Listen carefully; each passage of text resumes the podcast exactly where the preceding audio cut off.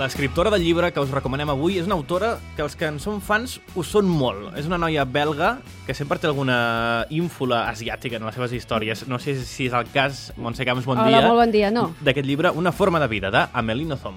Nothomb, com tu dius, té grans apassionats i en té que no ho són tant. No sé si tu ho ets o no, a mi m'agrada bastant, m'agrada bastant. A mi em sembla que s'aferra una mica el que li funciona sempre. Però vaja, ets tu la que Mm, no, sí que has no. llegit aquest. A- Aquest l'he llegit, sí.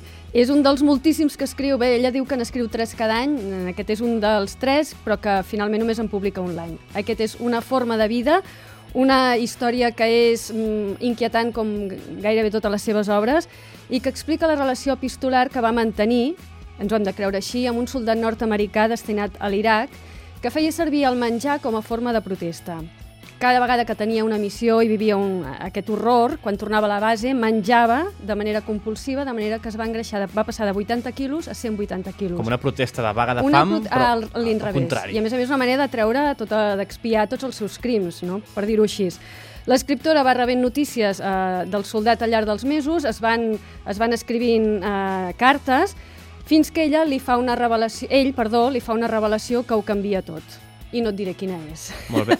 Té un final um, sorprenent. És una història una mica, no, no, no de terror, però gairebé que et van dinsar en aquesta mena de túnel d'horror, per dir-ho així, en què s'ha de trobar una persona que viu aquesta guerra a l'Iraq i que protesta d'aquesta manera i que té un desenllaç doncs, força sorprenent, amb aquest estil directe eh, i alhora profund també per parlar, per exemple, del cos, que és un tema recurrent en ella. De fet, en les seves històries d'amor hi ha molt d'amor, però poc tocament. En aquest cas, com que veig que és, No. ja són cartes, tocament, Tocament zero. zero. Tocament zero, cos molt, parlar molt dels cossos així eh, obesos, extremadament obesos. Molt bé. Amélie Nothomb, una autora que en fa 3 l'any i en publica un i que, per cert, escriu en boli, però el resultat final... És veritat que ella no li agrada internet, ni, ni li agrada No, no, res no li d'això, eh? ni les no, però màquines d'escriure. Exacte.